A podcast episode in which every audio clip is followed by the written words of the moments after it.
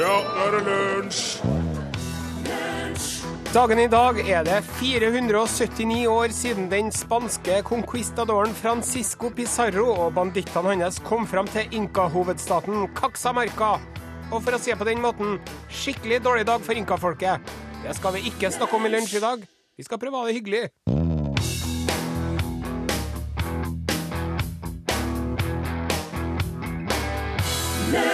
Ja, unnskyld, jeg må bare ta av meg brannmannhjelmen min. Sånn, der fikk jeg tatt av meg den.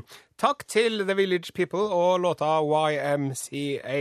Du hører på Lunsj på NRK P1. God morgen, brødre og søstre. Jeg håper at det går bra med dere alle sammen.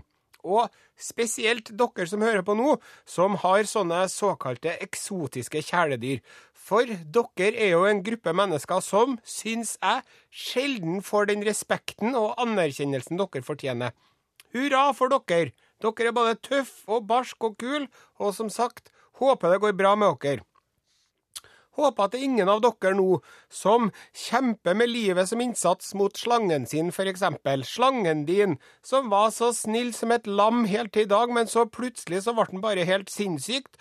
Og akkurat idet du skulle gi den den døde rotta som sånne slanger skal ha til lunsj, så føyk den på deg og tvinna seg rundt halsen din.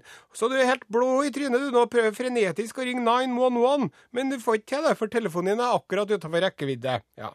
Det er for øvrig ikke noe vits i å prøve å ringe 911 eller 911 i Norge. Det korrekte nummeret å slå er 113. Nok om det. Håper at ingen av dere eksotiske kjæledyreierne går livredd rundt med en tresleiv i den ene hånda og et grytelokk i den andre og spør deg sjøl frenetisk hvor i all verden er tarantulaen? Jeg er sikker på at jeg hadde den i går, sier du til deg sjøl. Mens tarantulaen, vet du, den ligger på lur og venter, klar til å hoppe rett i fleisen på deg, bite deg i leppa. Ja, jeg håper at det er ingen her nå som akkurat idet man skal til å sette seg ned i badekaret, slumper borti piranabollen, sånn at åtte illsinte, skrubbsultne piranaer detter oppi badekaret, hvor ditt fiskebollbleke legeme ligner fælt på piranamaten piranaen er aller mest glad i, nemlig fiskeboller. Ja.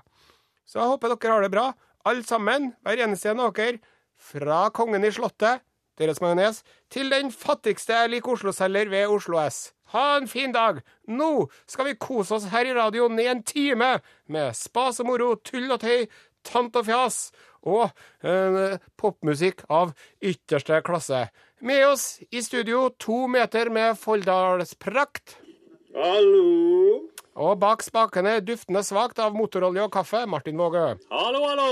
Og nå, som sagt, popmusikk av ypperste klasse, Jon Olav Nilsen og gjengen. Nesten så jeg lever.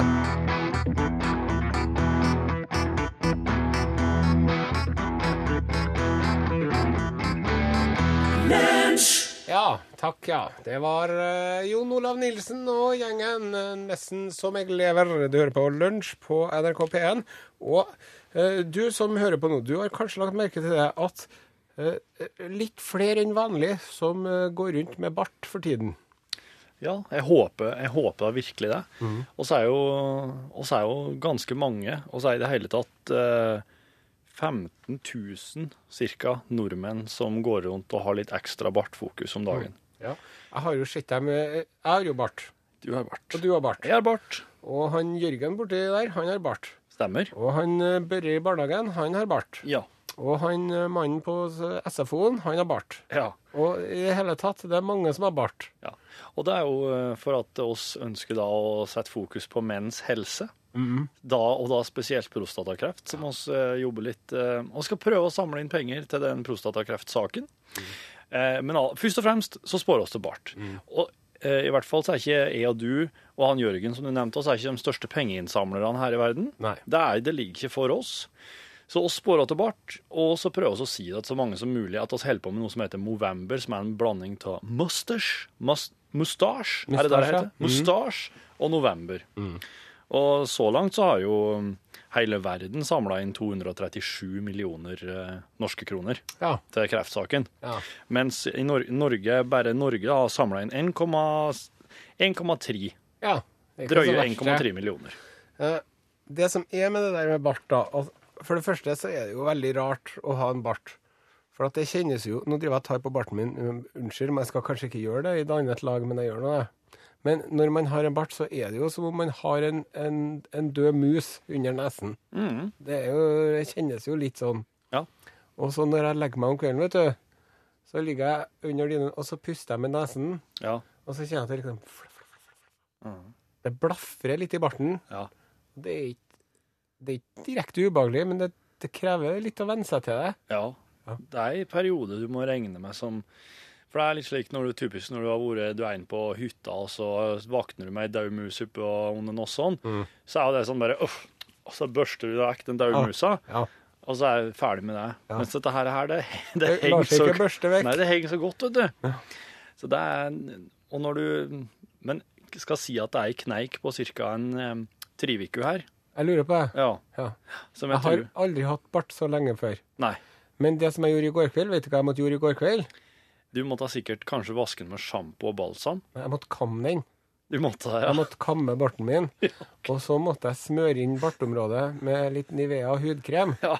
Fordi at jeg syns at eh, jeg så litt sånn tendenser til flass i barten, faktisk. Ja, men det blir det, så. Det kan òg være grovsalt. Ja, det Hvis kan- du har hatt grovsalt på karbonadesmørbrødet ditt. Ja, for det er jo en annen åpenbar fordel med det med bart, at man slipper å gå sulten lenge hvis man har bart. For eksempel nå Særlig hvis du har spist softis. Ja, softis, ja. Eh, Men nå sitter jeg her og så er mm, Oi, der var det litt eggeplomme. Mm. Mm. Oi, her var det en liten bit fiskepudding fra i går Ja, som Kammen ikke fikk med seg. ja, ja. ja. Her er det litt majones. ja. Mm, her er det litt softis. For det, Sånn kjekk. Før i verden vet du, så hadde han sånne bartekopper med sånn skjold på, nærmest. På innsida av koppen. Å, Ja, ja, ja. Du la mot barten og så drakk det. en kaffekopp. Ja, ja. oi, det har jeg aldri sett. Det her, ja, det skal jeg Det er jo det er, Du må se mer på Antiques Roadshow, vet du. det er klart. Jeg ser òg på disse er politifolkene som har bart, og uh, tenkte at det var bare nettlett en sånn eh, eh, Slik at en ting oppstår innenfor et miljø, Ja, der kom det en mann til med bart. kom det enda flere. igjen. Og så, og, så, og så blir det bare slik. Men jeg fikk høre av en politimann at um, nei, de hadde bart rett og slett for at når de var ute på patrulje, uh, så var det ikke alltid Altså, det skjer Altså, en politimann sin hverdag er så uforutsigbar. Ja. Det skjer ting her og der, og så må de forre, og så ble det ikke det, og så Men så må de plutselig dit. Og da er rett og slett barten et mellommåltid. Ja. Et, eh, rett og slett et, eh, nistepakke som de har med seg, som de kan ete i bilen. Mm. De kan sitte med begge hendene på rattet og ete den mellommåltidet som er i Ja. barten. Litt smultringbiter som henger igjen. Men det som jeg tenker på, at hvis man er, hvis man er politimann, da, Mm. og skal uh, påarrestere en blitzer eller noe, Ja. og så øh, har du en kjempestor, flott bart med bartevoks og alt. Mm. Det er jo Man gjør seg jo veldig sårbar, for det er jo bare å ta tak i barten og røske til seg. Ja. Og da får du vondt, tror jeg. ja. Så det, jeg, jeg forstår det ikke på den måten. Men det er mulig at til og med blitzerne har respekt for den barten. Mm. Men nå er jo vi snart halvveis i barteprosjektet i november. Ja. Eh, tror du at du kommer til å fortsette med bart, Borchhus? Jeg tror det. Gjør du? Jeg tror det. Hva syns eh, kona di om det med bart, da? Hun liker det. Men hun liker ikke at jeg driver og Ja, nå har jeg akkurat skinna meg på håret igjen, da. Ja.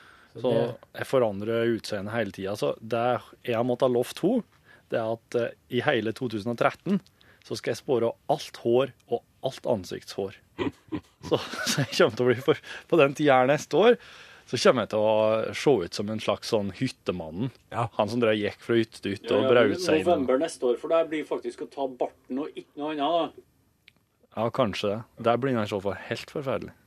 Nå skal vi spille mer musikk. Her er Coldplay. 'Every teardrop is a waterfall'.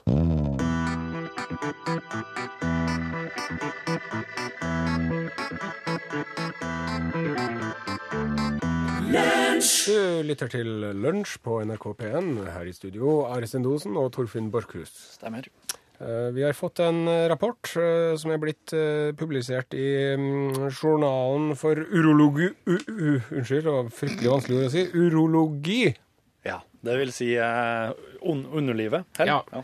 Det er altså da statistikk over voksne som har møtt opp på legevakta i Amerika med eh, eh, smerter eller skavanker eller eh, problemer med skrittet i genitaliene. da. Ja. Mm. Og det er omtrent 16 000 eh, mennesker som møter opp i året. ja. Med skader i skrittet? Et eller annet skade i skrittet. Okay. I genitaliene. Og mm. her er det da en slags oversikt over ting man skal passe seg for. Å ja, så de har ført statistikk over hva som er det mest vanlige? Ja. Og, oh ja. Og det er jo det folk sier, da. Ja. At det er jo litt sånn Ja. Man kan, må ta det her med en liten klype salt. Ja, sant. Ja. Men det aller verste, og det som er verst for, eh, for pungen og, og de områdene rundt, ja. eh, dalstrøka innafor, holdt jeg på å si, Ja. det er syk sykkel. Sykkelskader. Sykkel er det verste. Rekk opp hånda den som aldri har sklidd ned fra pedalen og slått seg på sykkelstanga. Ja, her var det ikke mange hender i været, som- nei. Nei, det var ikke. Nei. Og det er vondt. Og det er så forferdelig. Og, du, eh, og, og du skulle jo ønske at den sykkelen tok litt skade, den òg, men der ser du ikke et eneste Nei. lite. Så du, du, og det er nesten så at Og, og det som er med det er Altså, all respekt til dere jentene som, som føder barn Ja eh, og, og har det der eh, en gang i måneden og det der. Og Mm. det er ikke for å undervurdere på noe vis. Undervurdere det. Nei, Men altså, det med å slå pungen sin, det er så vondt, det. Ja. At det er Dere vet ikke, det nesten ikke. På andreplass, da, Mm. det, av de 16 000, så er det 1200 som har slått seg på sykkel. Ja. På andreplass barberblad, sakser og negleklippere, gitt. Oh. Og eh, det har eh, eh, altså eh, skader, infeksjoner og skader eh, forbindet med eh, barbering og skjeggtrimming, holdt jeg på å si, Ja. har opplevd en femdobling fra 2002 til 2010. Er det sant? Ja. Dette har ingenting å gjøre nedi der. Det, har, det kan jeg bare si. Det der Ikke, ikke, ikke prioriter det. Nei, Ikke gjør det. For Nei. at og, helt enig. Mm. På tre, det var 1089 som hadde skada seg med det. ja, Nesten til pass åt dem, sier jeg. Men jeg, På tredjeplass Ja. glidelås. ja, er det mulig? Au! Går det an? Jeg trodde det var bare sånn på film. jeg. Ja, nei, det har visst skjedd. Ja, men eh, da må jo folk gå ut av trusa. Ja, eller Ja, kanskje det, ja. Ja. Det er sikkert det de gjør. Eller kanskje de har glidelås i trusa. Skal Og så, ingen som på, har lov å på fjerdeplass, baderom, baderomfall og andre badeulykker. 818. Det skjønner jeg. Det er glatt der. Det er mye ting, harde ting å slå seg på. Mm. På femteplass basketball. Ja, det er På sjetteplass baseball og softball. Og på sjuendeplass ski og snowboard. Og det som er interessant her, er at det er jo 16 000 tilfeller i året. Og på de sju hyppigste så er det da eh, fort regna 1000, 3000, 4000, 5000 Det er kanskje 5000 som er dekket opp på de sju hyppigste. Så det vil si at det må være utrolig mange årsaker, da. Ja. Eh, jeg holder vel for så vidt ikke på med noen av disse delene der, egentlig. Jo, jeg er jo innom badet i ny og ne. Eh, hvordan, hvordan, hvordan skader man seg der på ski, lurer jeg på. Det, de er jo ikke født med ski på beina ennå. Nei, de er ikke det. Nei. Det kan For det vet vi jo, at uh, hvis, du, hvis det går for fort, så setter du deg på rumpa, Ja. men ikke på en uh, stubbe akkurat da. Det kan jo være at de, eh, de tenker at å, det vesle treet der, det klarer jeg å renne over, for jeg er vel såpass mm. høy i lortfallet. Ja. Men så bare Nei, det er jo veldig vanlig at man uh, tror at man er litt høyere i lortfallet enn man er, vet du. Ja. Det er en sånn um, dysmorfisk greie, antageligvis. dysmorfisk. Mm. Nå begynner du å Nei, nå driver jeg og bruker ord jeg ikke vet hva betyr igjen Ja, her. da blir det. Nå er det musikk. Her er Løvlands allé, Rike til to.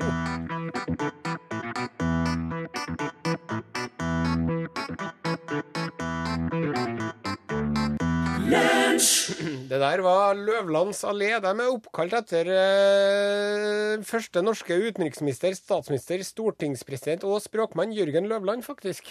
Ja, har, eh, har han ei gate oppkalt etter seg? Antageligvis. Og der holder disse til. Mm. Ja. De er fra Evje. Evje? Ja, ja. Ja, ja. Det er jo eh, Du vet hvordan det er, Borchhus. Eh, God norsk musikk, det får du først her i P1. Det stemmer. Nå eh, skal vi ha en spalte som jeg ser fram til, med litt skrekkblandet fryd. Og faktisk så er det litt overvekt på det med skrekk. Ja. Fordi det er den spalten som heter Hallo, hallo. ja. Og da er det altså uten hemninger eller hindringer. Åpen telefonlinje. Ja. Lytteren bare ringer et nummer, 815 21 031. og så sier vi hallo. Og det er ikke noen sånn siling for å sjekke om du er full eller psykopat eller tulling. Det er bare rett på. Nei. Så du tar styringa på den der, du, Jeg skal ta Borchhus. styring på den her og si hallo, hallo. Hallo, hallo. Hallo, hallo! God dag, god dag. Hvem er det oss prater med i dag? God dag. Nå prater du med Ole Kristian Brøsrud. Hvis du venter litt, du må ikke si ut noe, men jeg må parkere bilen. Skal vi ja. se. Sånn, nå står jeg med nødblinken på i grøfta her. I grøfta med nødblink. Hva Ja, står du? sånn halvveis i grøfta i hvert fall. Nå er jeg i- i Tønsberg på vei til Undrumsdal. På vei til Brumundsdal. Undrumsdal? Undrumsdal? Ja, det er jo et sted i Vest... Er mindre kjent. Ja, jeg er, jeg er veldig mindre kjent nedi der, jeg òg, så, Ja. så det er helt Ja, jeg er kjent, men Undrumsdal er lite kjent. OK, Ole Kristian. Du er yrkessjåfør? Eh, nei, jeg eh, har vært på skolen i dag. Har du det, ja? Ja, ja, vet du. Så du slutta litt tidlig i dag, da? Eh, Ja, slutta litt tidlig. Slutta ofte tidlig, jeg. Ja, det er, det er, du, du er sånn eh, sjølstudiefyr, du. Nei, jeg har litt lite skole, da, vet du, og så liker jeg meg veldig godt hjemme i Undrumsdal. Å, så klart. Men du, Ja. eh, har du noe nyttig, interessant, artig å fortelle oss, da, Ole Kristian? Eh, ja, jeg har jo et veldig lite innholdsrikt liv, egentlig, så jeg tenkte jeg skulle fortelle noe som bare nesten var sant. Ja, ja, men det er greit. Jeg vet ikke om dere har hørt om han derre sjeiken som var ute og gikk i ørkenen den gangen? Har dere hørt om han? Nei Han, eh, han, han måtte finne seg et sted å sove. Ja. Så, men så hadde han ikke med seg noe penger, da. Så kom han til vertshuset, vet du. Og så, så sa han som eide vertshuset at han måtte jo betale for seg. Ja. Og så, Men så hadde han ei klokke, da. Som vertshuseieren var veldig interessert i. Mhm. Og så, Men han ville ikke gi fra seg den klokka, for det var arva av bestefaren sin. Ja, men, men veit du hva han gjorde? Nei. Han bare venta til klokka ble to, og så ga han bort den ene.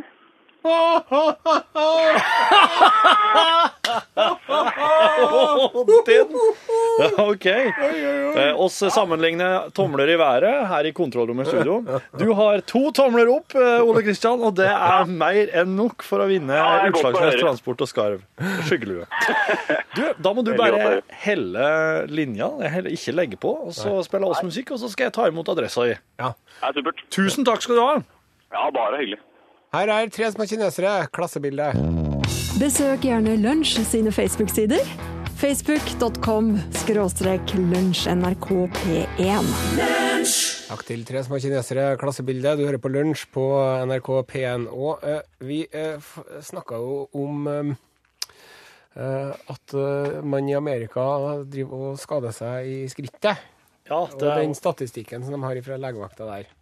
Det er jo all, all statistikk fra USA er jo sånn som regel spesiell, men det går jo an å overføre det på, på landet vårt, og for oss er jo litt sånn orientert ditover, altså. Så står det her, vet du. Jeg har fått en tekstmelding til 1987, kodeord L. Stemmer. Krasja med motorsykkel. X hovna opp til tredobbel størrelse. Ble kolende blå, og det gikk et år før det slutta å verke, skriver Arild. Å, fy skamme se motorsykkel. Ja. Og dette, og, og jeg vet jo at eh, medieingeniøren vår Martin, han er jo en aktiv motorsyklist. Ja. Men han, eh, han ser ikke ut som han, eh, det, han, han tar ikke noe lærdom til det der, han. Nei, hvis jeg hadde bestemt, så hadde det ikke vært lov. Å kjøre motorsykkel, Nei, det hadde ikke jeg. Du må, kunne ha gjort det på egne baner. Men Uh, Ikke for å starte noe krig om det, men så står det her, vet du For vi snakka om det at hvordan, hvordan klarer man å skade seg i skrittet når man går på ski? Det syns vi var litt rart. Ja, det er det. Og så sa jo du at, eh, at man tror at man er så lang i beina at man klarer å kjøre over den lille kvisten der. Ja, ja. Men så skriver en Ingvar her.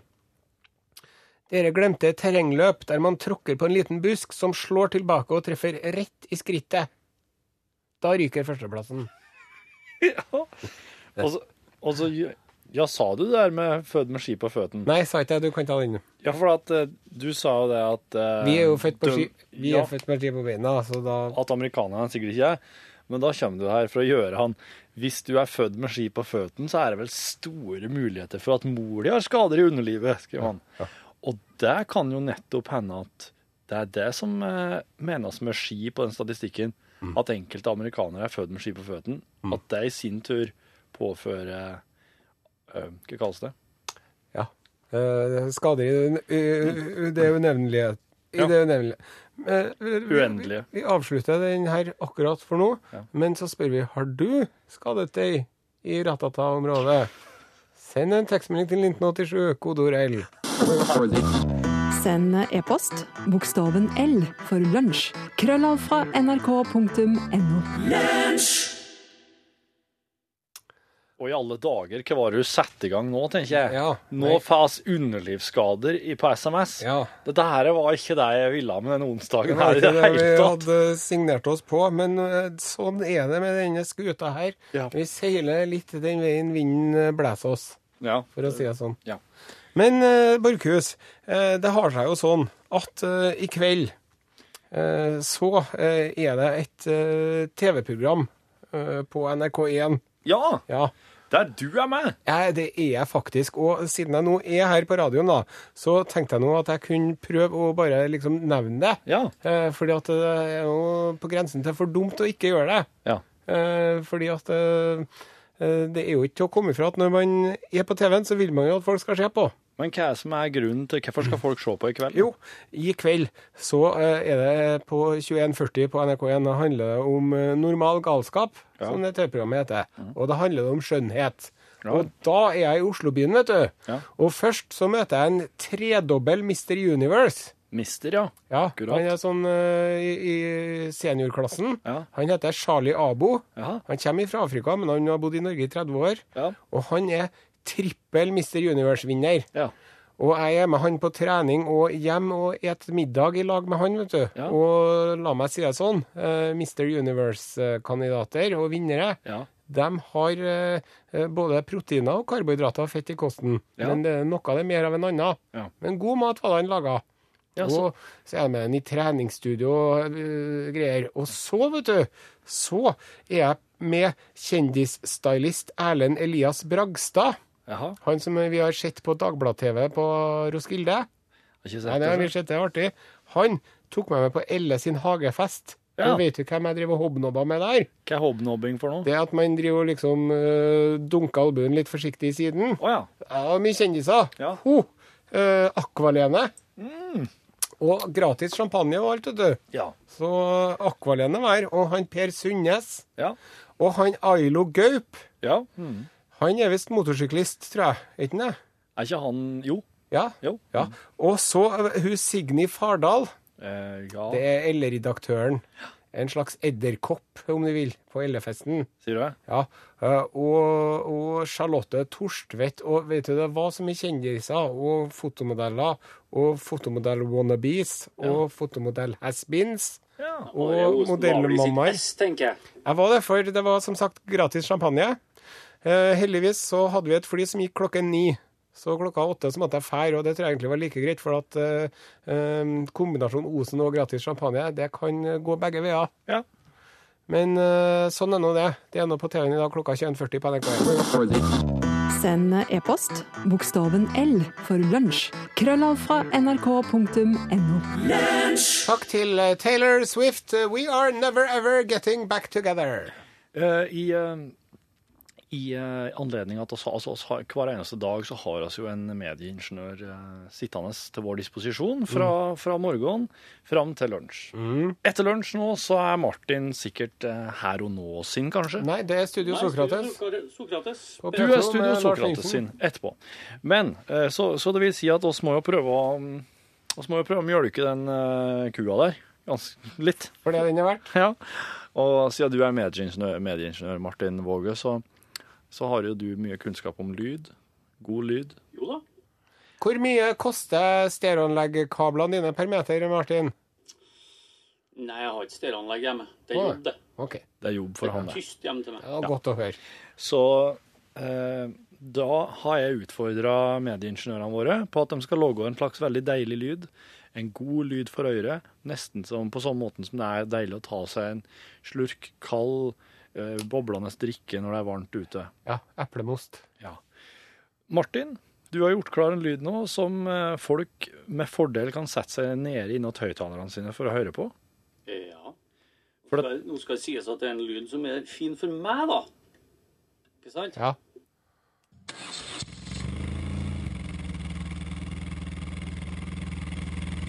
En boksermotor. BMW R1150 RT. Er det en båtmotor?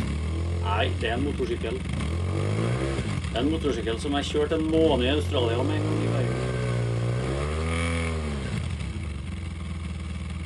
Mm. Det var godt. Er dette her, her um, lyd som du har gjort opptak av sjøl? Um, nei. Har du funnet det på internett, eller? Har nok det.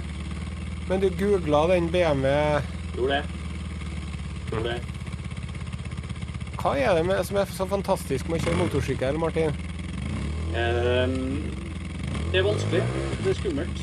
Og når du får det til, så blir du så fryktelig glad. Blir det ja.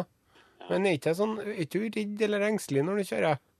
Uh, altså hvis, hvis du kjører uvettig, så blir du jo vettaskremt. da. Så trikset er jo ikke gjøre det, da.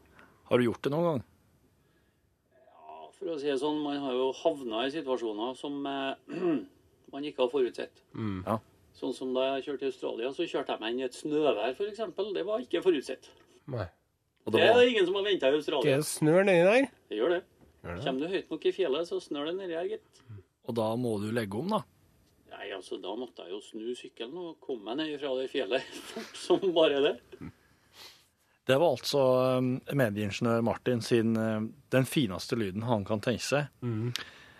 Eh, jeg veit jo at det er veldig mange som er irritert på motorsykler og lyden de logger, men det der var en sånn em, Det der var en sånn litt sånn Den Den var, er ganske spesiell, den her, da. akseptabel den. Ja, ja. Ja. En boksermotor, og den bråker ikke noe særlig mer. Den er noen fæl, den der. Nei. Så håper at den falt i smak for det og der ved høyttaleren. det blir spennende å se hva eh, morgendagens medieingeniør tryller frem, da. Ja. Det kan være hva som helst. Målet er at det skal være godt for alle til en viss grad å høre på. Nå skal du få musikk her i Lunsj på NRK P1. Er Her kommer Ja, det er. Knutsen og Ludvigsen. Låta heter 'Ku i tunnelen'.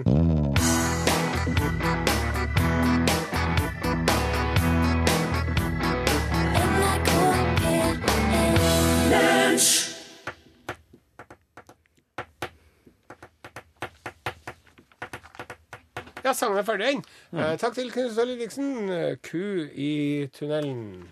Jeg tenker, ah, OK. Alle dere som etterlyser Jan Olsen i dag, han tar ikke telefon, dessverre. Det er, og han har den bare på i dag, så fint om du kan eh, eh, bare ha, ha tålmodighet med oss, så skal vi sørge for at den er på plass neste onsdag. Jeg vet ikke helt hvordan vi skal sørge for det, men ja. Vi skal nå gjøre vårt beste, i hvert fall. da. Eh, Jeg tenkte jeg skulle gi en, eh, gi en liten sånn eh, Noe å tygge på for hjernen, da. Ja, Og helt på tampen. er Før. Pål Plassen kommer. Altså, alt vi ser gjennom øynene våre, brillene våre, kikkertene våre, stjernekikkertene våre, har navn. Eh, Det er jo slik at vi kan prate om dem og være enige om at det er den samme ingrediensen eller plassen eller personen vi prater om. Ikke sant? Og det er jo oss sjøl som har gitt alle disse tingene navn. Ja. Navn har aldri eksistert før mennesket. Nei. Alt har eksistert i 4,5 milliarder år uten navn, helt til hjernen vår, kanskje for 100 000 år siden, ga seg sjøl et navn. Og så fortsetter den å gi alt annet navn. Alt den kunne se, alt den kunne komme på, ga den navn. Og hjernen vår er, så vidt oss vet, den eneste tingen som har gitt seg sjøl et navn. Ja. Hjernen vår har døpt seg sjøl. Brain. Ja, stemmer. Men som de siste årene med forskning viser, så gir delfinene navn. Fordi de liker best å være i lag med bestemte delfiner. Også For at sikta i havet er ikke alltid like god, og da er, det godt å, eh, er navn godt å ha for å forsikre seg om at det er venner de har rundt seg. Ja. Og enkelte fugler kan gi navn til andre fugler og omgivelser. Det hørte oss jo Nils prate om i går. Dette her betyr at veldig mye av det vi ser rundt oss, har navn. Navn som de har fått lenge før oss kom inn i bildet. Men oss veit ikke hva andre dyr kaller ting. Nei. Men oss veit hva oss har begynt å kalle ting. Ja. Og øh, med det så øh, ser jeg at øh, Pål Plassen Hjelp, Pål! Hjelp! Hjernen min koker over. Så nå må norgesglasset inn og gi oss noe, noe litt mer lettfordøyelige greier. Ja. Jeg regner med at dere har det, eller har dere bare tunge ting? Jo, nei, vet du. oss har faktisk akkurat noe mer lettfordøyelig. Fordi at Oslo har fått besøk av en britisk slagordekspert. Og han skal prøve å finne et artig og fengende slagord som skal sette hovedstaden på kartet. Gjerne internasjonalt, da. Det her er mannen som fant opp eh, det slagordet som vi kanskje misliker aller mest her i Norge, nemlig Stockholm, the capital of Scandinavia. Ikke sant? Ja. Så han er på en måte litt sånn forhatt av de andre turist... eh, Det er han som har skylda for at alle amerikanerne tror at eh, S- Stockholm er liksom hovedstaden i det store landet. Ja, og at Ja. Norge er en by i Sverige eller. Verden vil bedras, ennå min kommentar til øh, hele opplegget. Så i dag så har jeg tenkt å utfordre Norgeskassets lyttere på å finne et eh, slagord til hovedstaden. Ja, det blir bra. Med kodeordglasset til 1987 så kan du sende inn da et forslag. Og så da skjønner du, så har Aftenpostens eh, lesere kasta seg inn i den her leiken med slagord.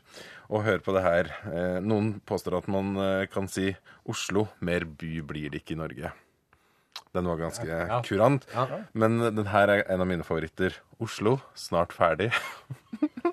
Bygger så mye, vet du, hele tida. Og den her er en annen favoritt. Oslo, nesten et palindrom. ja, Var ikke det ganske morsomt? Men det handler altså om kreativitet. Det her skal jo da selvfølgelig selge. Eh, Så om du som lytter på har et forslag, kodeordglasset, ditt eh, forslag, eh, få med navn og adresse og send det hele til 1987. Det koster ei krone. Jeg tror jeg skal lodde ut noe krus da, dag, Ja.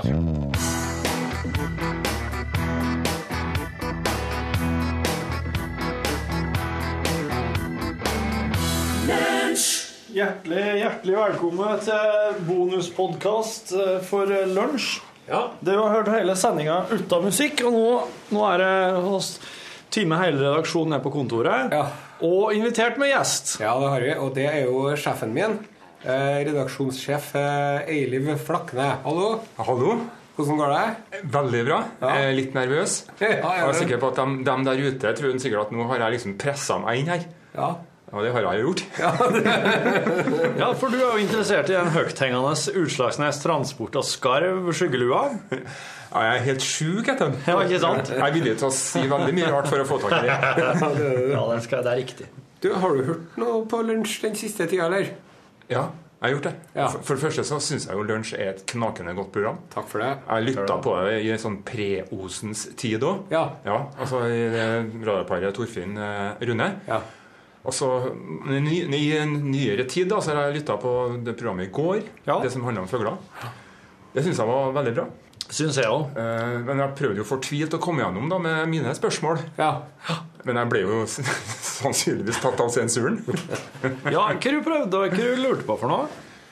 Nei, jeg hadde egentlig et godt spørsmål, syns jeg. Ja. Og det, Alle syns hvis jeg skal være objektiv Alle syns det var gode spørsmål. Eh, Det jeg lurte lurt på, det var når de flyr sørover, trekkfuglene, Ja. så flyr de i plugg. Det ene er jo symmetrien og hvor mye krefter de sparer og sånne ting. Ja. Men av og til og så ser du en sånn enslig rakker som kommer fem minutter etterpå, eller 500 meter etter, Ja. i samme retningen. Og da har jeg bestandig tenkt på vil denne karen eller poden her overleve. ja.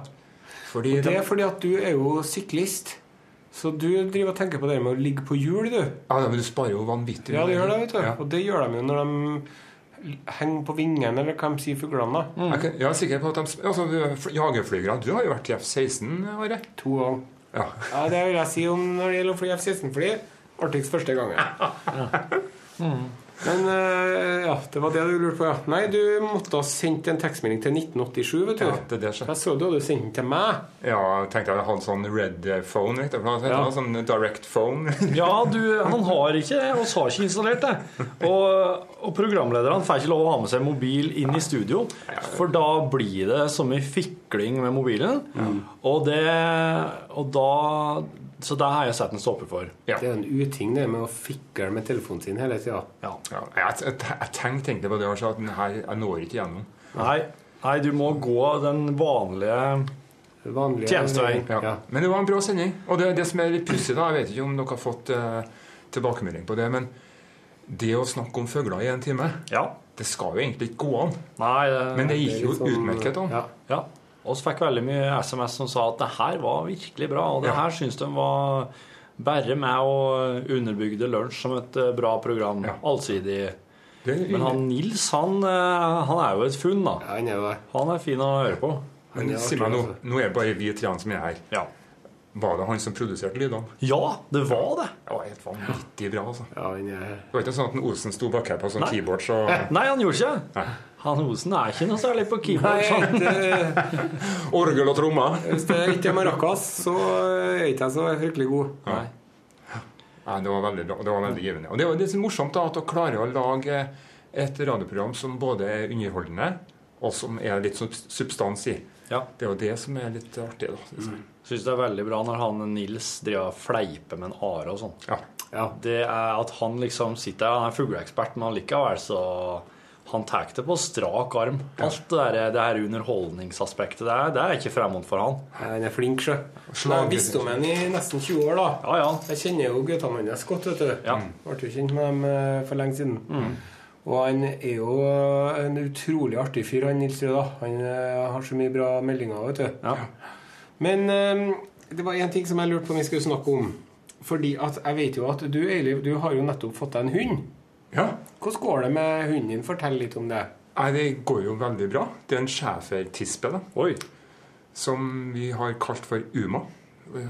For i enkelte, Sannsynligvis er alle hunderasene så er det slik at når du får tak i en valp, så, så kennelen sier i hvert fall i utgangspunktet så sier kennelen hvilken forbokstav eh, hunden skal hente navnet sitt fra. Ja. Fordi det er for å holde orden på systemet. Ja. Så i kennelen som vi kjøpte av da, fra Ingodd her i Trondheim, så har vi kommet til bokstaven U. Ja. Så samtlige søsken i den flokken der har eh, U. Vi har Uma, da. Så da, da rapporterer dere inn til kennelen at uh, oss har kalt henne Uma. Ja. Etter av Uma Thurman. ja, det er nok Uma Thurman, tenker jeg. Ja, hun er tøff. Og eh, det går veldig bra. Den har jo ført til at både jeg og kona mi får veldig mye mosjon. Det er jo veldig bra. Og så eh, er det jo en artig og godt familiemedlem. Har dere små unger eller har dere store unger? Minstemann er 11. Ja. Så sånn sett så er det jo på en måte en, eh, et nytt familiemedlem, ny baby. da. ja. Hvor gammel er den sjefer? schæfer? Hvor gammel er Uma nå? Hun er ti måneder.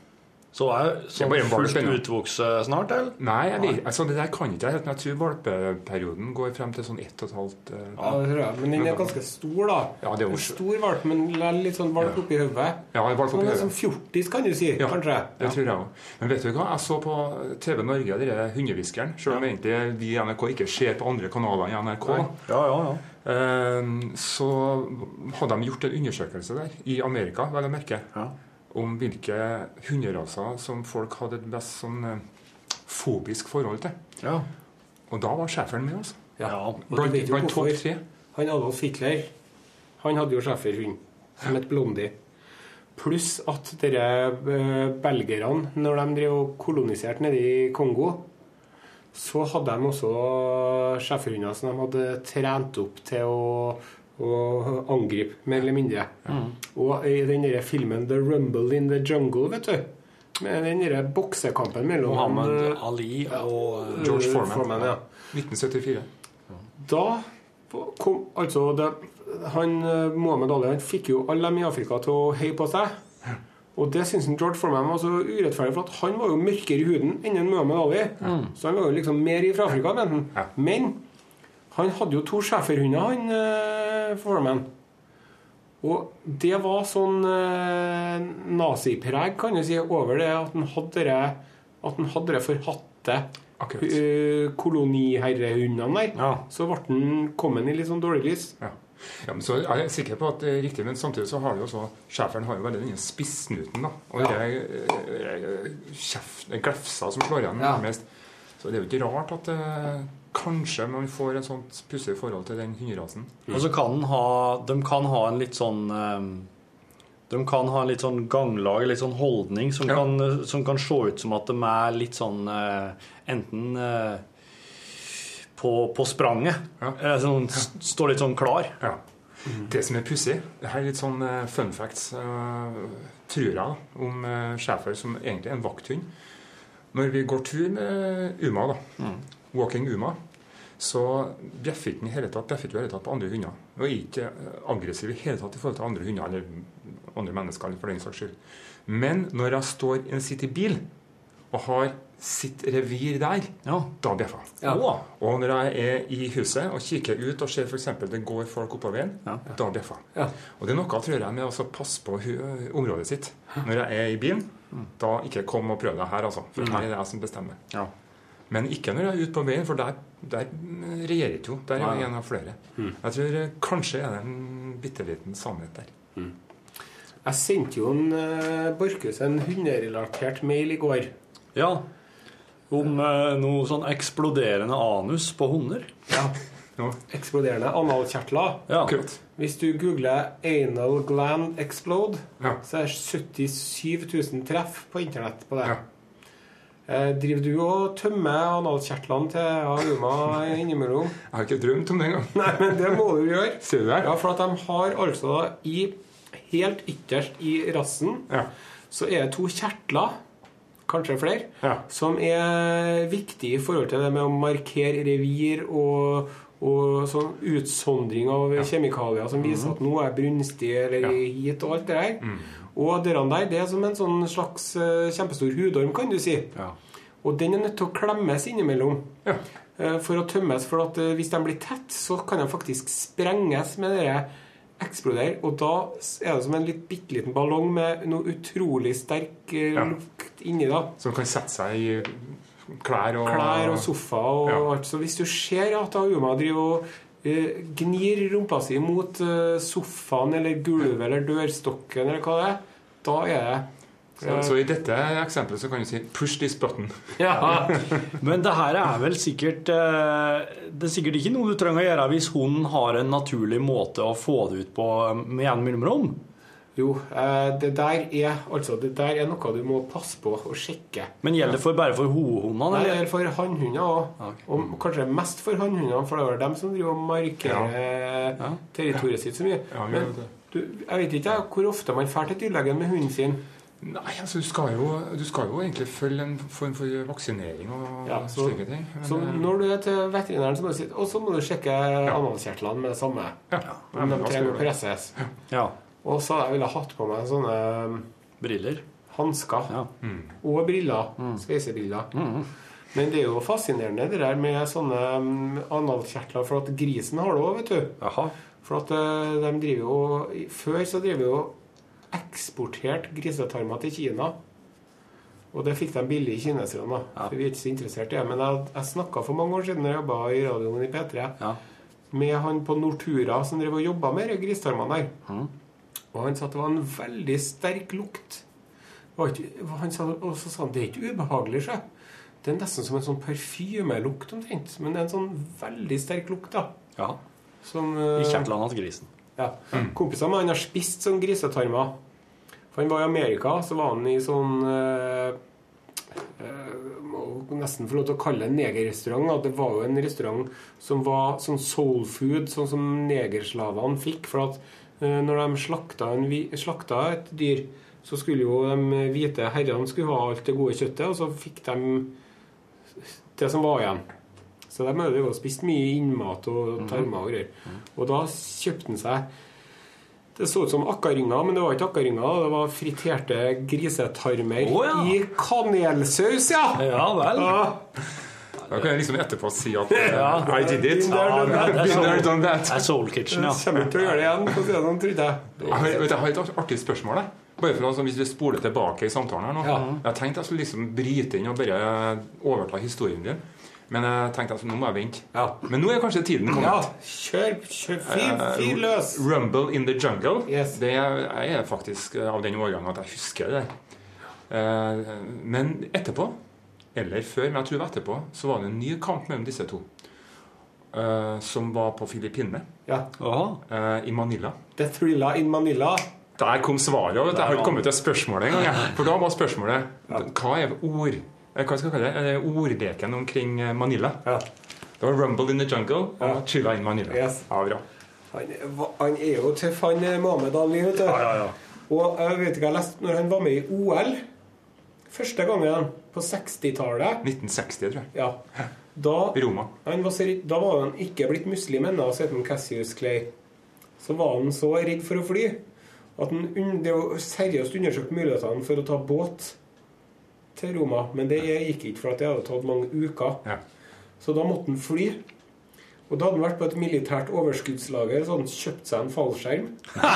som han hadde på seg under hele flyturen. Pluss at han lå på knær i midtgangen og ba til Gud. Ikke tale, men han ba til Gud, så flyvertinna måtte be ham om å kan du være så snill å sette deg sånn. Og da Ja. var han så redd for å Ja. krasje. Ja.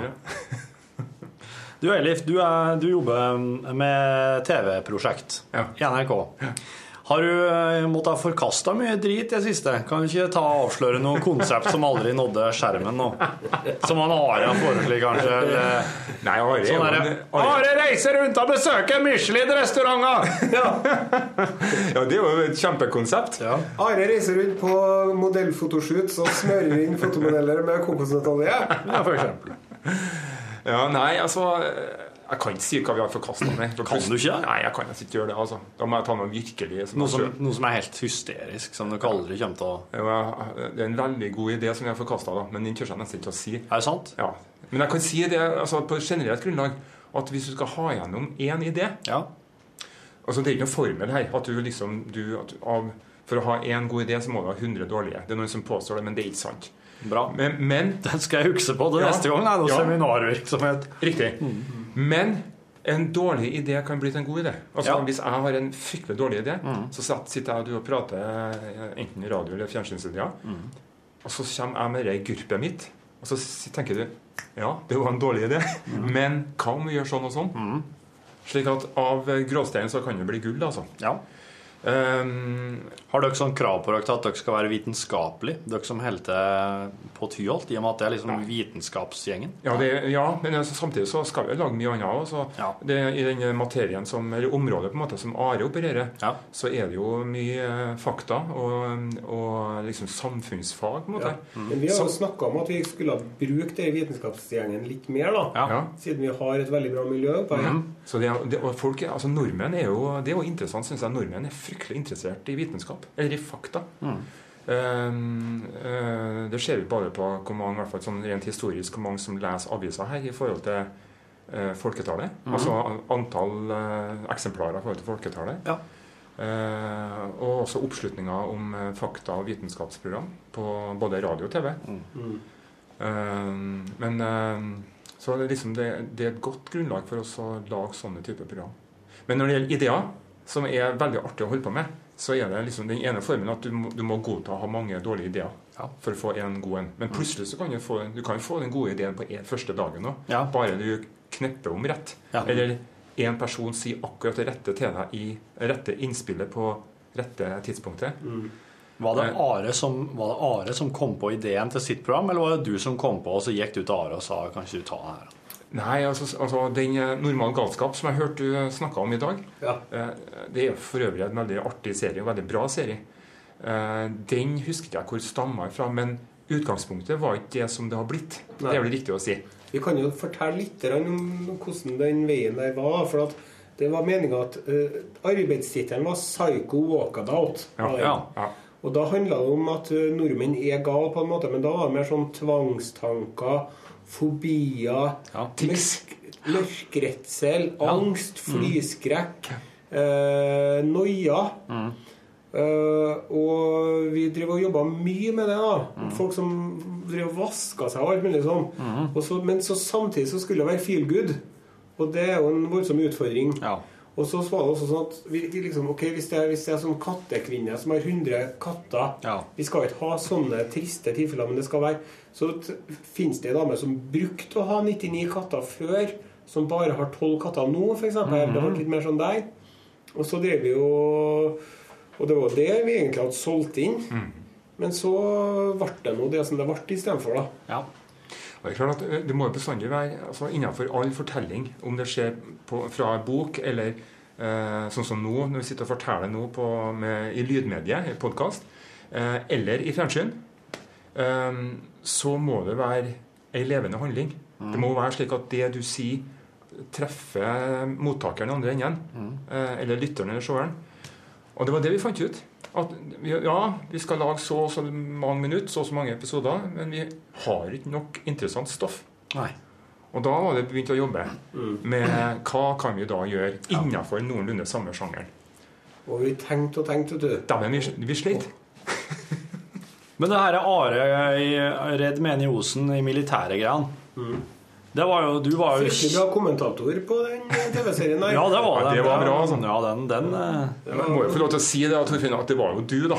Det var jeg. Ja, for det var kan jeg. jo være noen der ute som ikke vet Ja, det. ja, ja, det ja. var Borchhus som leste inn det. Men det var ikke jeg som var med å, å pitche inn ideen. eh, Til, det, for du er jo en kjent eh, militærnekter og, Ja. og har jo drevet og kjefta om deg på radioen i mange år. Ja.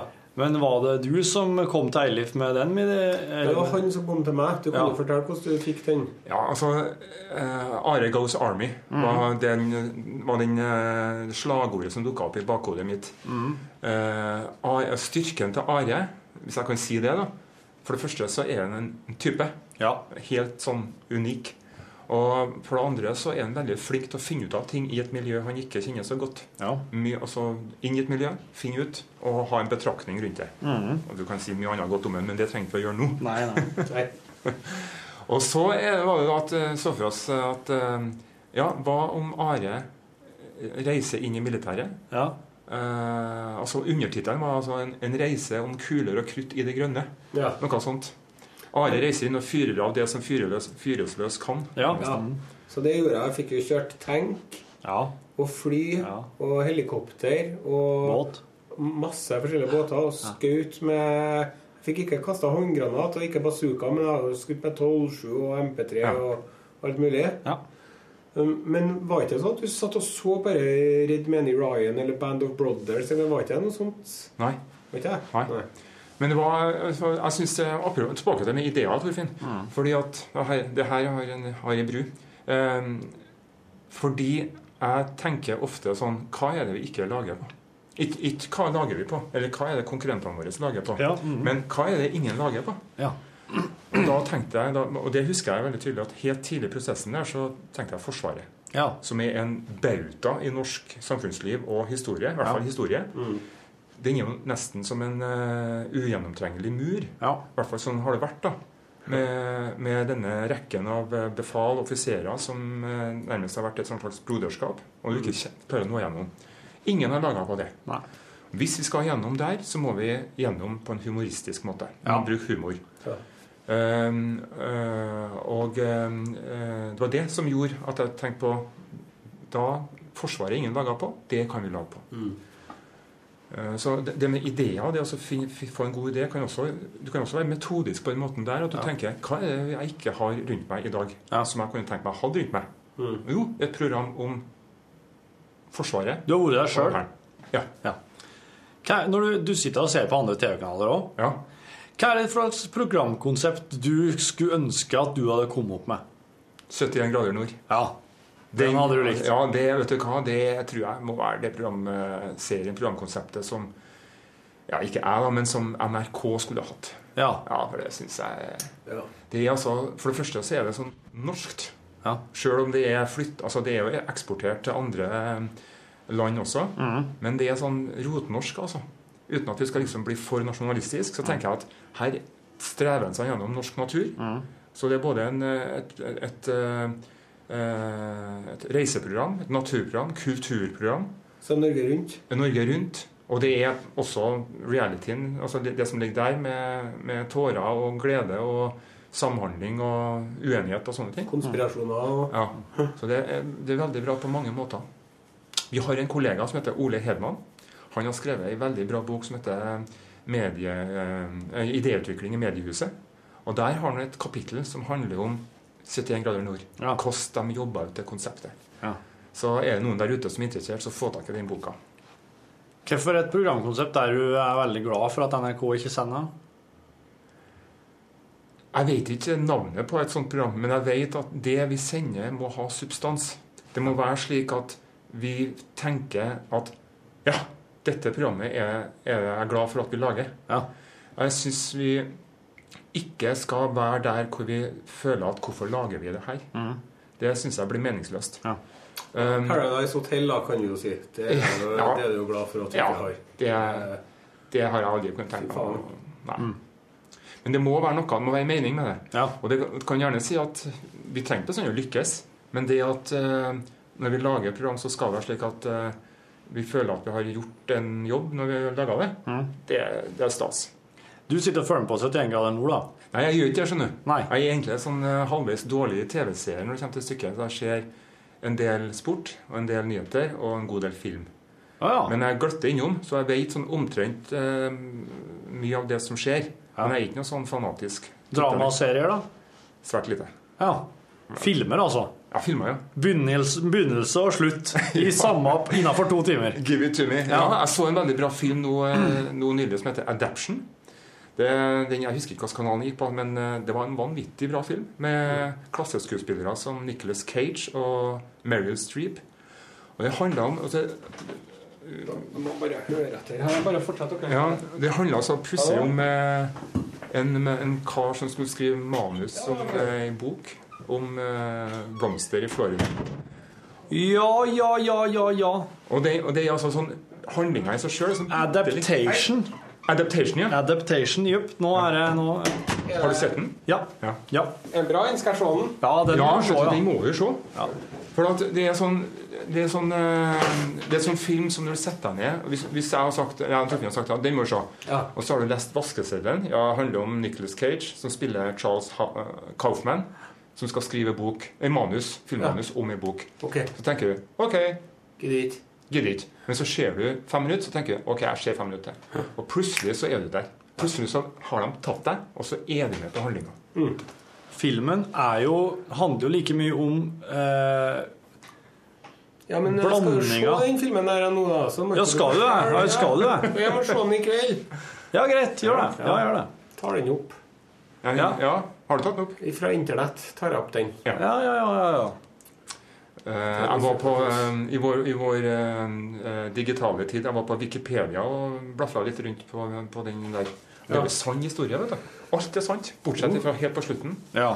Eh, og han som spiller Han som er hovedpersonen, mm.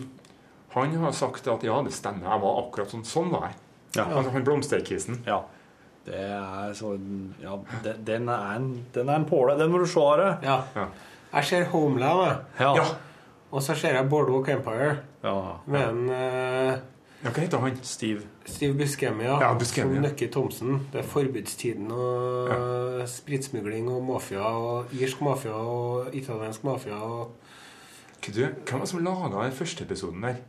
Jo, det var jo Martin Scorsese, Scorsese, ja. produsent, i hvert fall. Ja. Ja. Eh, I går så begynte første episoden i sesong to av Boss.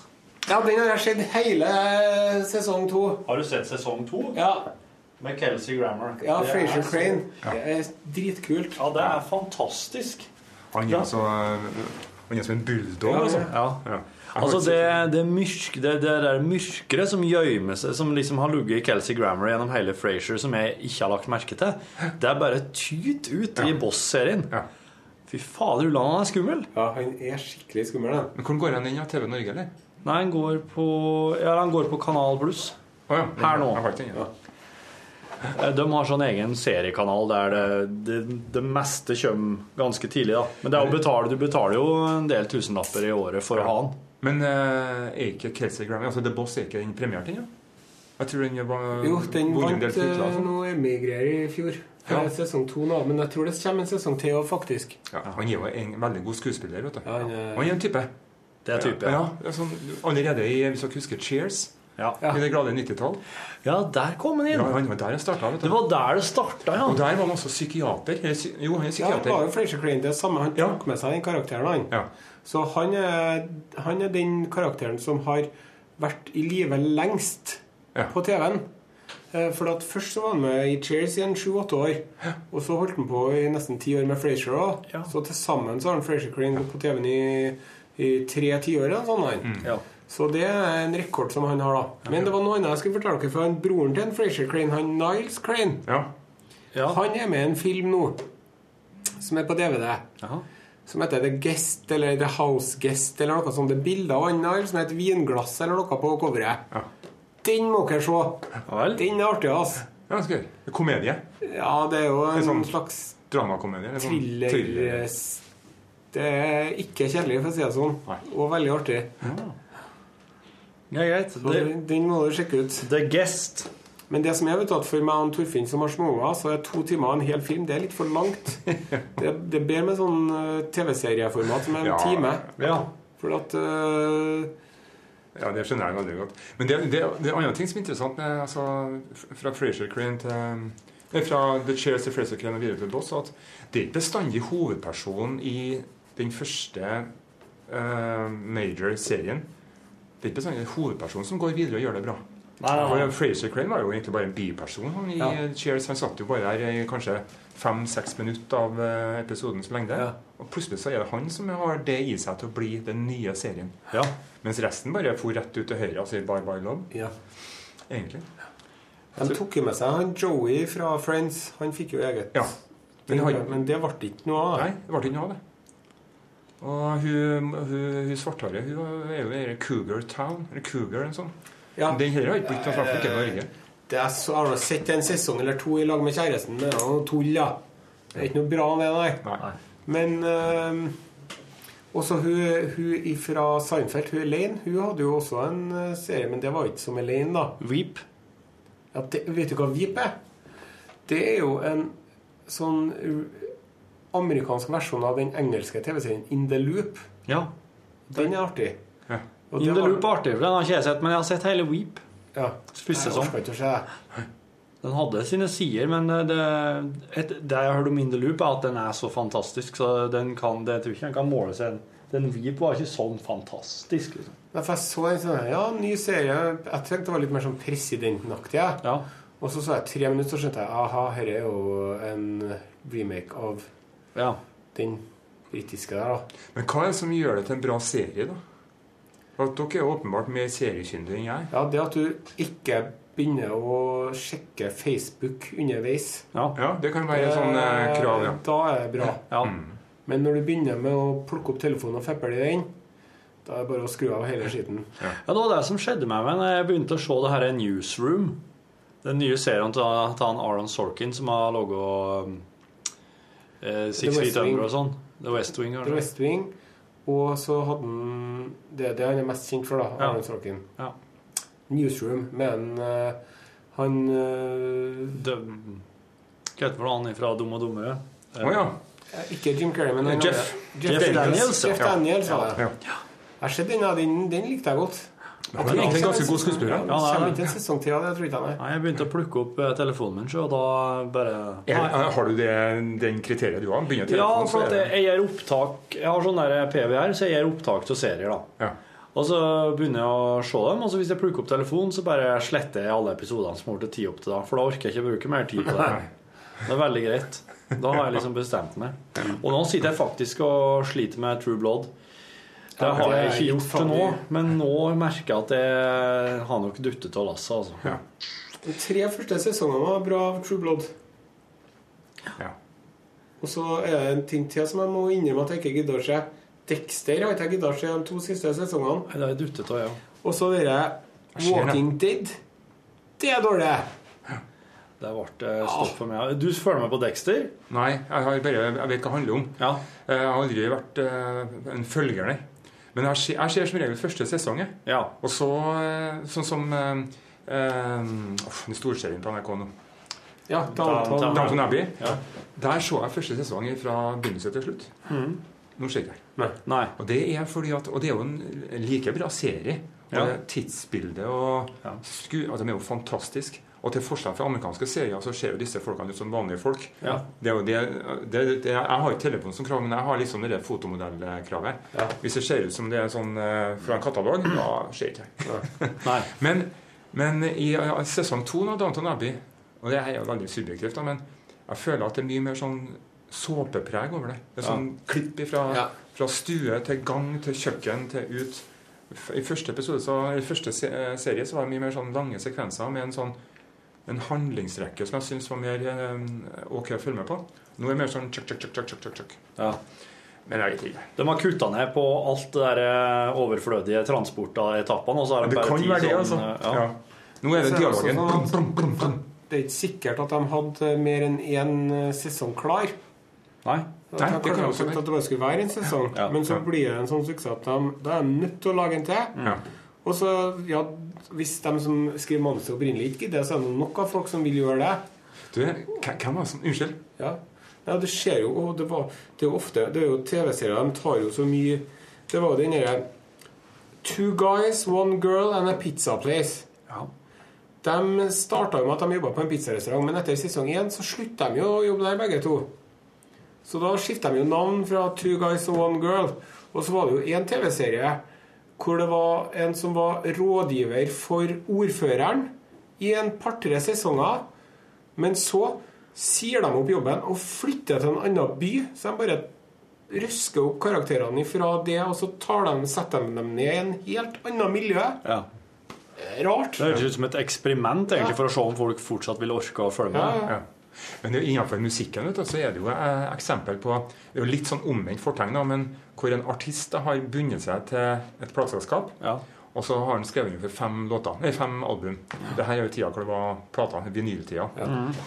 Og så, etter plate to, da Jeg er usikker på er en av de store uh, amerikanske bandene er det her, altså. Nei, den er ikke Neil Young, da. Eh, Neil Young, ja, Ja, Neil. Young hadde en avtale med Geffen. Ja, og så hadde han så så mange plater i katalogen, Ja. Og så orka ikke mer etter halvparten. Ja, og så fikk han Han fikk jo Han eh, fikk jo De gikk jo til sak mot den Geffen for at de mente at han laga altfor lite Neil Young-aktig musikk. David Geffen. Ja. Ja. Og så drev jeg og klaga over at den plata hans ikke var nok rock'n'roll. Og da var det jo at en, eh, Neil Young laga ei ordentlig rockabilly-plate. vet du. Ja. Kind of on the aha. Han laga sånn skikkelig Neil Young and the Blue Notes. Wow. Det gjorde han jo bare for å kødde med dem. Og så ble det jo bare vær og vær, da. Så han laga tre dårlige album på, På Geffen. trass. Bare for ja. å komme seg ut av Ja. kontrakten. Bare for å Og ingen skal fortelle Neil Young hva han skal gjøre, da. Det Nei. lært dem jo, da. Det er for øvrig en artig historie om eh, Lynyrd Skynyrd, som har dere Sweet Home Alabama, Ja. og Neil Young. For Neil Young hadde visstnok på et tidspunkt vært kritisk til sør, sør, altså de sørstatene i Ja. USA. da. Det er jo ifra en eh, Han har jo flere sanger som er kritiske mot sørstatene. Det er jo 'Southern Man'. Ja. Og så er det en sang som heter 'Alabama'. Og i den sangen som heter 'Alabama', så synger han 'Alabama'. You got a wheel on the ditch and a wheel on the side. Ja. Your Cadillac has got a wheel on the ditch and a wheel on the side. What's going on? Sant? Og okay. så hører jeg Lynyrd Skinner på den sangen her, da. Ja. Så lager de Sweet Home Alabama. Ja, ja, ja. Og så I heard Neil Young sing about her. I hope Neil Young will remember. Og så sier Neil Young da Kjære, det var ikke meninga å liksom ordne noe dårlig stemning og sånn. Så, så sier Young Har en sang til dere som dere kan få hvis dere vil ha den. Ja. Så Linner sier Skal du ikke ha noen sanger dine, vi, altså? Så Nei, får vel spille den sjøl, da. Og det var jo Powderfinger. Og det er jo eh, verdens beste låt, omtrent. Akkurat. Så den eh, takka Linnert Skinner nei til, da, for at Ja. den var litt furten. ja. Ja, veldig bra. I, rekke, I rekken av gylne avslag som i ettertid viser seg å ha vært eh, dumskap. Ja. Ja, apropos det. Har du fått noen eh, tilbud du s- om å lage TV av her, og så har du sagt nei, og så har hun gått videre og så har gjort en suksess på en annen kanal? Nei. Ikke? Nei, men altså, Jeg sitter ikke her som noen sånn uh, guru på, eh, på tilbud og sånn. Nei. Uh, Men hvis noen har en TV-idé nå, Ja. hva sender de den en da? Her på huset så går de eh, sannsynligvis via kontoret mitt, ja. Så hvis noen sitter og hører på podkasten nå Ah, sånn, ja. Ja, De må bare sende til meg, ja. Jeg sender til dere, da, så kan jeg få av dere, f.eks. ja, send det til den, skal jeg videresende. Ok, L-krøllalfa.nrk.no, da. da. Ja. Greit. Å, dæven, nå ble du sånn mellommann for noen TV-konsept. For en rolle. ja. Nei, ja. Det, men det, det er visstnok eh, i filmer og sånn. Altså Forest Gump, for eksempel, som ble spilt inn til slutt og kom ut i 94. Det var jo et filmmanus som gikk jorda rundt, nærmest, altså i Hollywood. Ingen som ville ha det. For Ja. noen sa ja, OK, vi skal se på det. Ja. Og da var det snakk om å finne rette typen da, til å spille hovedrolle. Ja. Uh, og det mest berømte i nyere tid innenfor bøker, det er jo Harry Potter. Mm. Eh, spesielt i Norge. Det er jo Dam, tror jeg, som har gitt ut Harry Ja. Potter her. Men de store forlagene sa jo nei. Altså Aschehoug Gyldendal og disse guttene her. Ja. De ville ikke ha det. Og da var jo de første som sa ja, dem. Ja. Og de sa faktisk ja så tidlig at det hadde ikke rukket å blitt en hit ennå. Og derfor så sa de at vi skal oversette den der og oversette den sjøl. Så Norge er det eneste landet i verden hvor det ikke heter det samme som i England. At det, Altså Ravnklo og ja, det heter ravnklo og galtvort og humlesnurr og rumpeldunk. Oh, ja. Rumpeldunk det heter jo kidditch på engelsk. Ja. Men han derre Han heter for Torstein Hoverstad, tror jeg. Torstein Ja, Bugge Hoverstad. Bugge Hoverstad. Bugge Han, Hoverstad, ja. han satt jo der og kosa seg fælt. Ja. Fordi at, eh, men så, eh, når eh, de endelig fikk solgt det her til Sverige og Danmark og sånn, da var det blitt sånn suksess i Ja. England og kanskje Amerika at da var det sånn at hvis dere skal gi ut den boka her, så er det sånn og sånn og sånn og sånn, og hvis Ja. dere ikke er med på det, så er det bare pff, bugger off, sant? ja. Men eh, vi har jo en lang historie av det her, for at eh, det er jo eh, i 'Ringenes herre' òg, den første oversettelsen av 'Ringenes herre' også, mm. så drev vi også heter Bilbo Sekker og Lommelun og Lommetun og Ja. Fylke og alt mulig sånn. Mm. Uh, mens uh, i den siste oversettelsen da, så heter de det de heter på engelsk, liksom. Å, gjør det det? Akkurat. Ja. Han heter jo Bilbo Lommelund. ja. Ja. Bilbo Sekker heter han. I den første som jeg leste. Akkurat. Å, sier du det? Ja. Jeg har Bilbo Lommelund. Ja, den, det, det er det jeg har lest. Ja. ja, men det er bra. Baggins. Ja. Men så er det jo det som er artig, at til oss så heter han jo Donald. Han Donald. Ja. Mens i Danmark så heter han Anders And. Ja, og så i Sverige heter han Eh, det vet jeg ikke. Kalle Anka. Kalle Anka, ja. Ja. ja. Ja. Mens vi kaller han for Donald, da. Ja, hvorfor Mens vi kaller han også for Lynvingen. Ja. Men nå kaller vi han jo for Batman. Ja. For at de har på en måte Lynvingen er litt mer sånn, sånn som de brukte brukt å være, mens Ja. Batman er liksom Batman, da. ja. Det er egentlig en litt sånn grei kategorisering. der, For når jeg snakker om Lynvingen, så vet vi at det handler om eh, gamle er dager grå med drakt. Ja, grå drakt, ja. Grå drakt. Og trus. Du ser altså Skikkelig truse. Ja. Og så sånn oppunder her, ikke Ja, ja. Og så gjerne og liksom da til gamle tegneserien, da. Lunvingen der òg. Norsk oversetting. Du, har dere sett det, altså På tidlig 90-tall så gikk det faktisk på NRK Rundvingen Lynvingen fra 60-tallet. Ja, sånn at når de slår noen, så, så kommer det sånn boble hvor det står 'smokk' og Ja, sånn. så, ja. Ja, det er så vidt eh, Ja, og det ble sendt Og så var det sånn eh,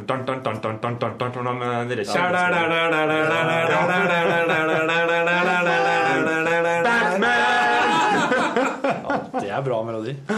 Ja, så bra. Jeg så en eh, fyr på, på en bensinstasjon eller et eller annet i USA som hadde bare tilfeldigvis sittet og ant fred og ingen fare på bensinstasjonen sin. Og da kommer plutselig kjørende samtlige Batman-biler ifra The Dark Night Rises, den siste, til Adam West-serien med den Batmobilen der. Ja. Og den Batmobilen fra den TV-serien, den er faen meg den kuleste, Torm. Den er helt sjukt tøff. er det flaket, på en måte? Ja, det, sånn, det ser ut som en ombygd sånn sportsbil. en Litt Ja. sånn eh, eh, en så, Sånn som biler på 60-tallet hadde med sånne skikkelig fine former. Ja. Så har de bare putta på noen skikkelig sånne her Vazelina Bilopphøggers Ja. vinger. sånn og- haievinger. ja. Sånn ja, den var helt, var helt fantastisk fin. Ja. Den der, De siste Batmobilene nå ser jo ut som sånne militærkjøretøy. Ja. Ja, det er sant, det, altså. Ja, Ser ut som sånne her sand, sandbiler. En artig den siste Batman-filmen, eller? Det er ikke artig, nei. Nei, er den bra? Nei, jeg, sy- jeg syns ikke den var du, De toppa på ingen måte De skulle nesten gitt seg med, med den med jokeren sist, altså, for den var jo helt eh, Det var jo helt vanvittig. Vet du hva? Jeg hadde Jeg kan tenke meg at rundt eh, Altså i min i pre-Cambrium-tida, da da jeg var ung, Ja. så eh, fikk jeg en Batmobil. Oh, ja. Og det, den var ikke lenger enn en 5-6 cm. Men den var sånn, det var sikkert den der bil- modellen du snakker om. For når du kjørte den bortover gulvet, så midt bak så var eksospotta, eller Ja. hva skal jeg kalle det, motoruttaket. Der var det en sånn oransje greie som for ut og inn, sånn, Ja. som liksom skulle være flammen som skulle eh, ja. komme fra motoren. da. Og den bilen, vet du, den, er, den kommer jeg aldri til å glemme. Har du den? Nei. Bort? Bort. Har du sett Citizen Kane? Ja. Rosebud? Yes. Det siste han sier før han dør, det er Rosebud. Og det er den tingen han har mista. Ja. Jeg trodde lenge at det var den der jævla snøkula som han Ja. i starten. her. Ja. At det var Rosebud, et eller annet der. Ja. Dere som ikke har sett Citizen Kane, dere eh, Ja, dere har jo noe i vente. Ja. Det er en bra film. ja, det er en bra film. Åh, det er noe greit å ha skitten, for å si det sånn. Ja, det er jo det. ikke så artig mens det foregår, da. Men det er noe sånn det er med ting, kultur, Men- men teater, på den, bøker og greier. Men på den lista som alltid er over verdens beste filmer, Ja. så er Citizen Kane en av dem som eh, Den, den kan du tåle å se. Det er ganske Ja. mange av filmene der som er sånn Å, fy faen, hvorfor så jeg den, liksom? Men jeg, er jeg har jo sett den lista her, og det som er artig, er at det brukte jo å være eh, Det var jo Citizen Kane, men nå er den Ja. blitt rykka Ja, ned på en sant, liste ja. av en Hitchcock-film som heter North by Northwest. Dæven, jeg, har, den, jeg kan gi en veldig bra historie fra Den den filmen. men den skal jeg se. Jeg gidder ikke å se den ferdig, nei. Cary Grant. Jeg gidder ikke å se den ferdig, for det var Ja. North by Northwest er det den eh, filmen der de er ute for noe sånn spionasje i Ja. Marokko eller noe Nei. nei. Nei. Han, han driver og springer med det flyet etter seg Ja. på åkeren. Nei, dæven, den Han, tror han, jeg ikke er, han er en selger, jeg husker ikke navnet. Han er selger egentlig, så, og så plutselig så, så blir han forveksla med en annen person, Ja. og så blir han forfulgt. Ja. Og det som er morsomt i filmen, er for sånn, eh, sånn fun facts da. Altså at de, de havner, Helt på slutten av filmen havner de oppe i denne restauranten der hvor alle disse presidentene er hugd inn i stein. vet du. Ja, man Ja. Rushmore, ja. Ja. Og så vet, altså Det som er greia, det som skjer, da, det er at eh, eh, vår helt, som jeg ikke husker navnet på, eh, Gregory Peck Eller Cary Grant. Grant. Cary Grant, Cary ja. Uh, han sitter der og har en pistol, Ja. og det vet vi, men ikke dem som sitter ellers i restauranten. Nei. Altså i filmen. da. Ja. Og så vet vi at han kommer til å trekke pistolen, Ja. og kanskje skjøte. Ja. Det vet jeg ikke, men jeg vet at han kommer til å trekke pistolen. Og hvis du ser veldig nøye etter i denne scenen, her, så ser du ei lita jente på bordet bakafor som sitter sånn. Altså, skal hun, at dere som hører det her på podkasten, hørte ikke nå at han Eilif han setter fingrene i ørene. du kan se på på YouTube. Søk på eh, North by Northwest, og så kall- Mount Rushmore. Ja. Ja, da ser du helt tydelig. Og hun vet at det kommer et skudd. Ja, ja. Og det er det som kalles på finnespråket en sånn skriptfeil. da. Ja. Uh, altså I ene bildet så har han på seg en, en, eh, blå vest, og i neste bilde så har han på seg en sånn eh, blekblå vest. Ja. De har bytta, ja, Blomstene er flytta fra ulike Gandalf har på seg klokke under en av slagscenene Ja, for eksempel. Lord of the Rings. Nå kødder du. Han har glemt å ta seg klokka, Ian. Men det, altså, når det gjelder Citizen Kane, så, så er også den vurdert veldig bra, fordi at den var veldig eh, eh, Den var først med en del ting. Ja. Eksempel den dybdeskarpheten. Ja. Det var den filmen jeg helt først med. Men det som også er interessant med, med Orson Welles, da, som laga den filmen, det er at han, han laga jo innenfor veldig kort tid Jeg tror Orson, uh, Citizen Kane er fra 41. I 1938 så kom han jo med det radioskuespillet vet du, som skremte halve USA. Eh, War of the Worlds. War of the Worlds, ja. De trodde det var sant, men de mente jo aldri at det skulle skremme. Det var bare et hørespill de laga. Ja, ja. Og så kom han med en film til som heter for Magnificent Ambersons rett etterpå. Ja. Og innenfor en kort periode så var han fryktelig produktiv. ja. Og det kan jo også si f.eks. om eh, sånne artister som The Beatles, selv om de har vært gode veldig lenge. Når de var sammen Hvor mange album laga Åtte år de De laga. ti album på åtte år, gjør de. Ti Fra album, ja. 1962 til Nei, 1960 til 1968 eller noe sånt. Det Ja. var åtte år. Var, ja. ja. Andre artister også. De har en sånn periode hvor de er fryktelig produktive og flinke. ja. Og så er det litt ned på det jevne igjen. Ja. Du kan gjerne si det motsatte av veldig mange av de Beatles som har vært veldig gode etterpå. Men ofte så er det slik at eh, du har en sånn peak, da. ja. Det kan jo ingen av de kunstner. Beatlesene som kan sammenlignes med det som de gjorde da. vet du. Det var jo helt sinnssykt. Det Det var sinnssykt. Og hvordan det var når de begynte, og hvordan det var når de slutta. Og alle de Mm. forandringene i samfunnet som de var veldig viktige i forhold til uh, å få gjennomført. Og hvordan det var med den seksuelle revolusjonen, og med drugs som er Ja. Mm. langt ungdommer og alt mulig. Åh, Nei, men dere, vi kan jo ikke sitte her og prate i mange timer heller. Nå har det jo gått en time. Hvor langt skal det være, podkasten? Nei, det fins ingen eh, formel på det. Eh, Men eh, det her, det her er en kraftig bonus. Og jeg håper at du som har lasta ned, har kosa deg med den. Du, du veit aldri hva du får i ekstramateriale her. I dag fikk du veldig mye bra. Og veldig mye filmtips som, som, som du kan velge å følge opp hvis du har lyst på det. Eh, Eiliv Flakne, takk for besøket. Tusen takk for at jeg fikk lov til å være med. Det har vært veldig artig. Are Sendosen. Takk for meg. Torfinn Borchhus. Takk, Takk for deg. Takk for at du lasta ned podkasten vår. Ja, det er sant. Hvor lenge skal vi holde på? Nå slutte. Lunsj!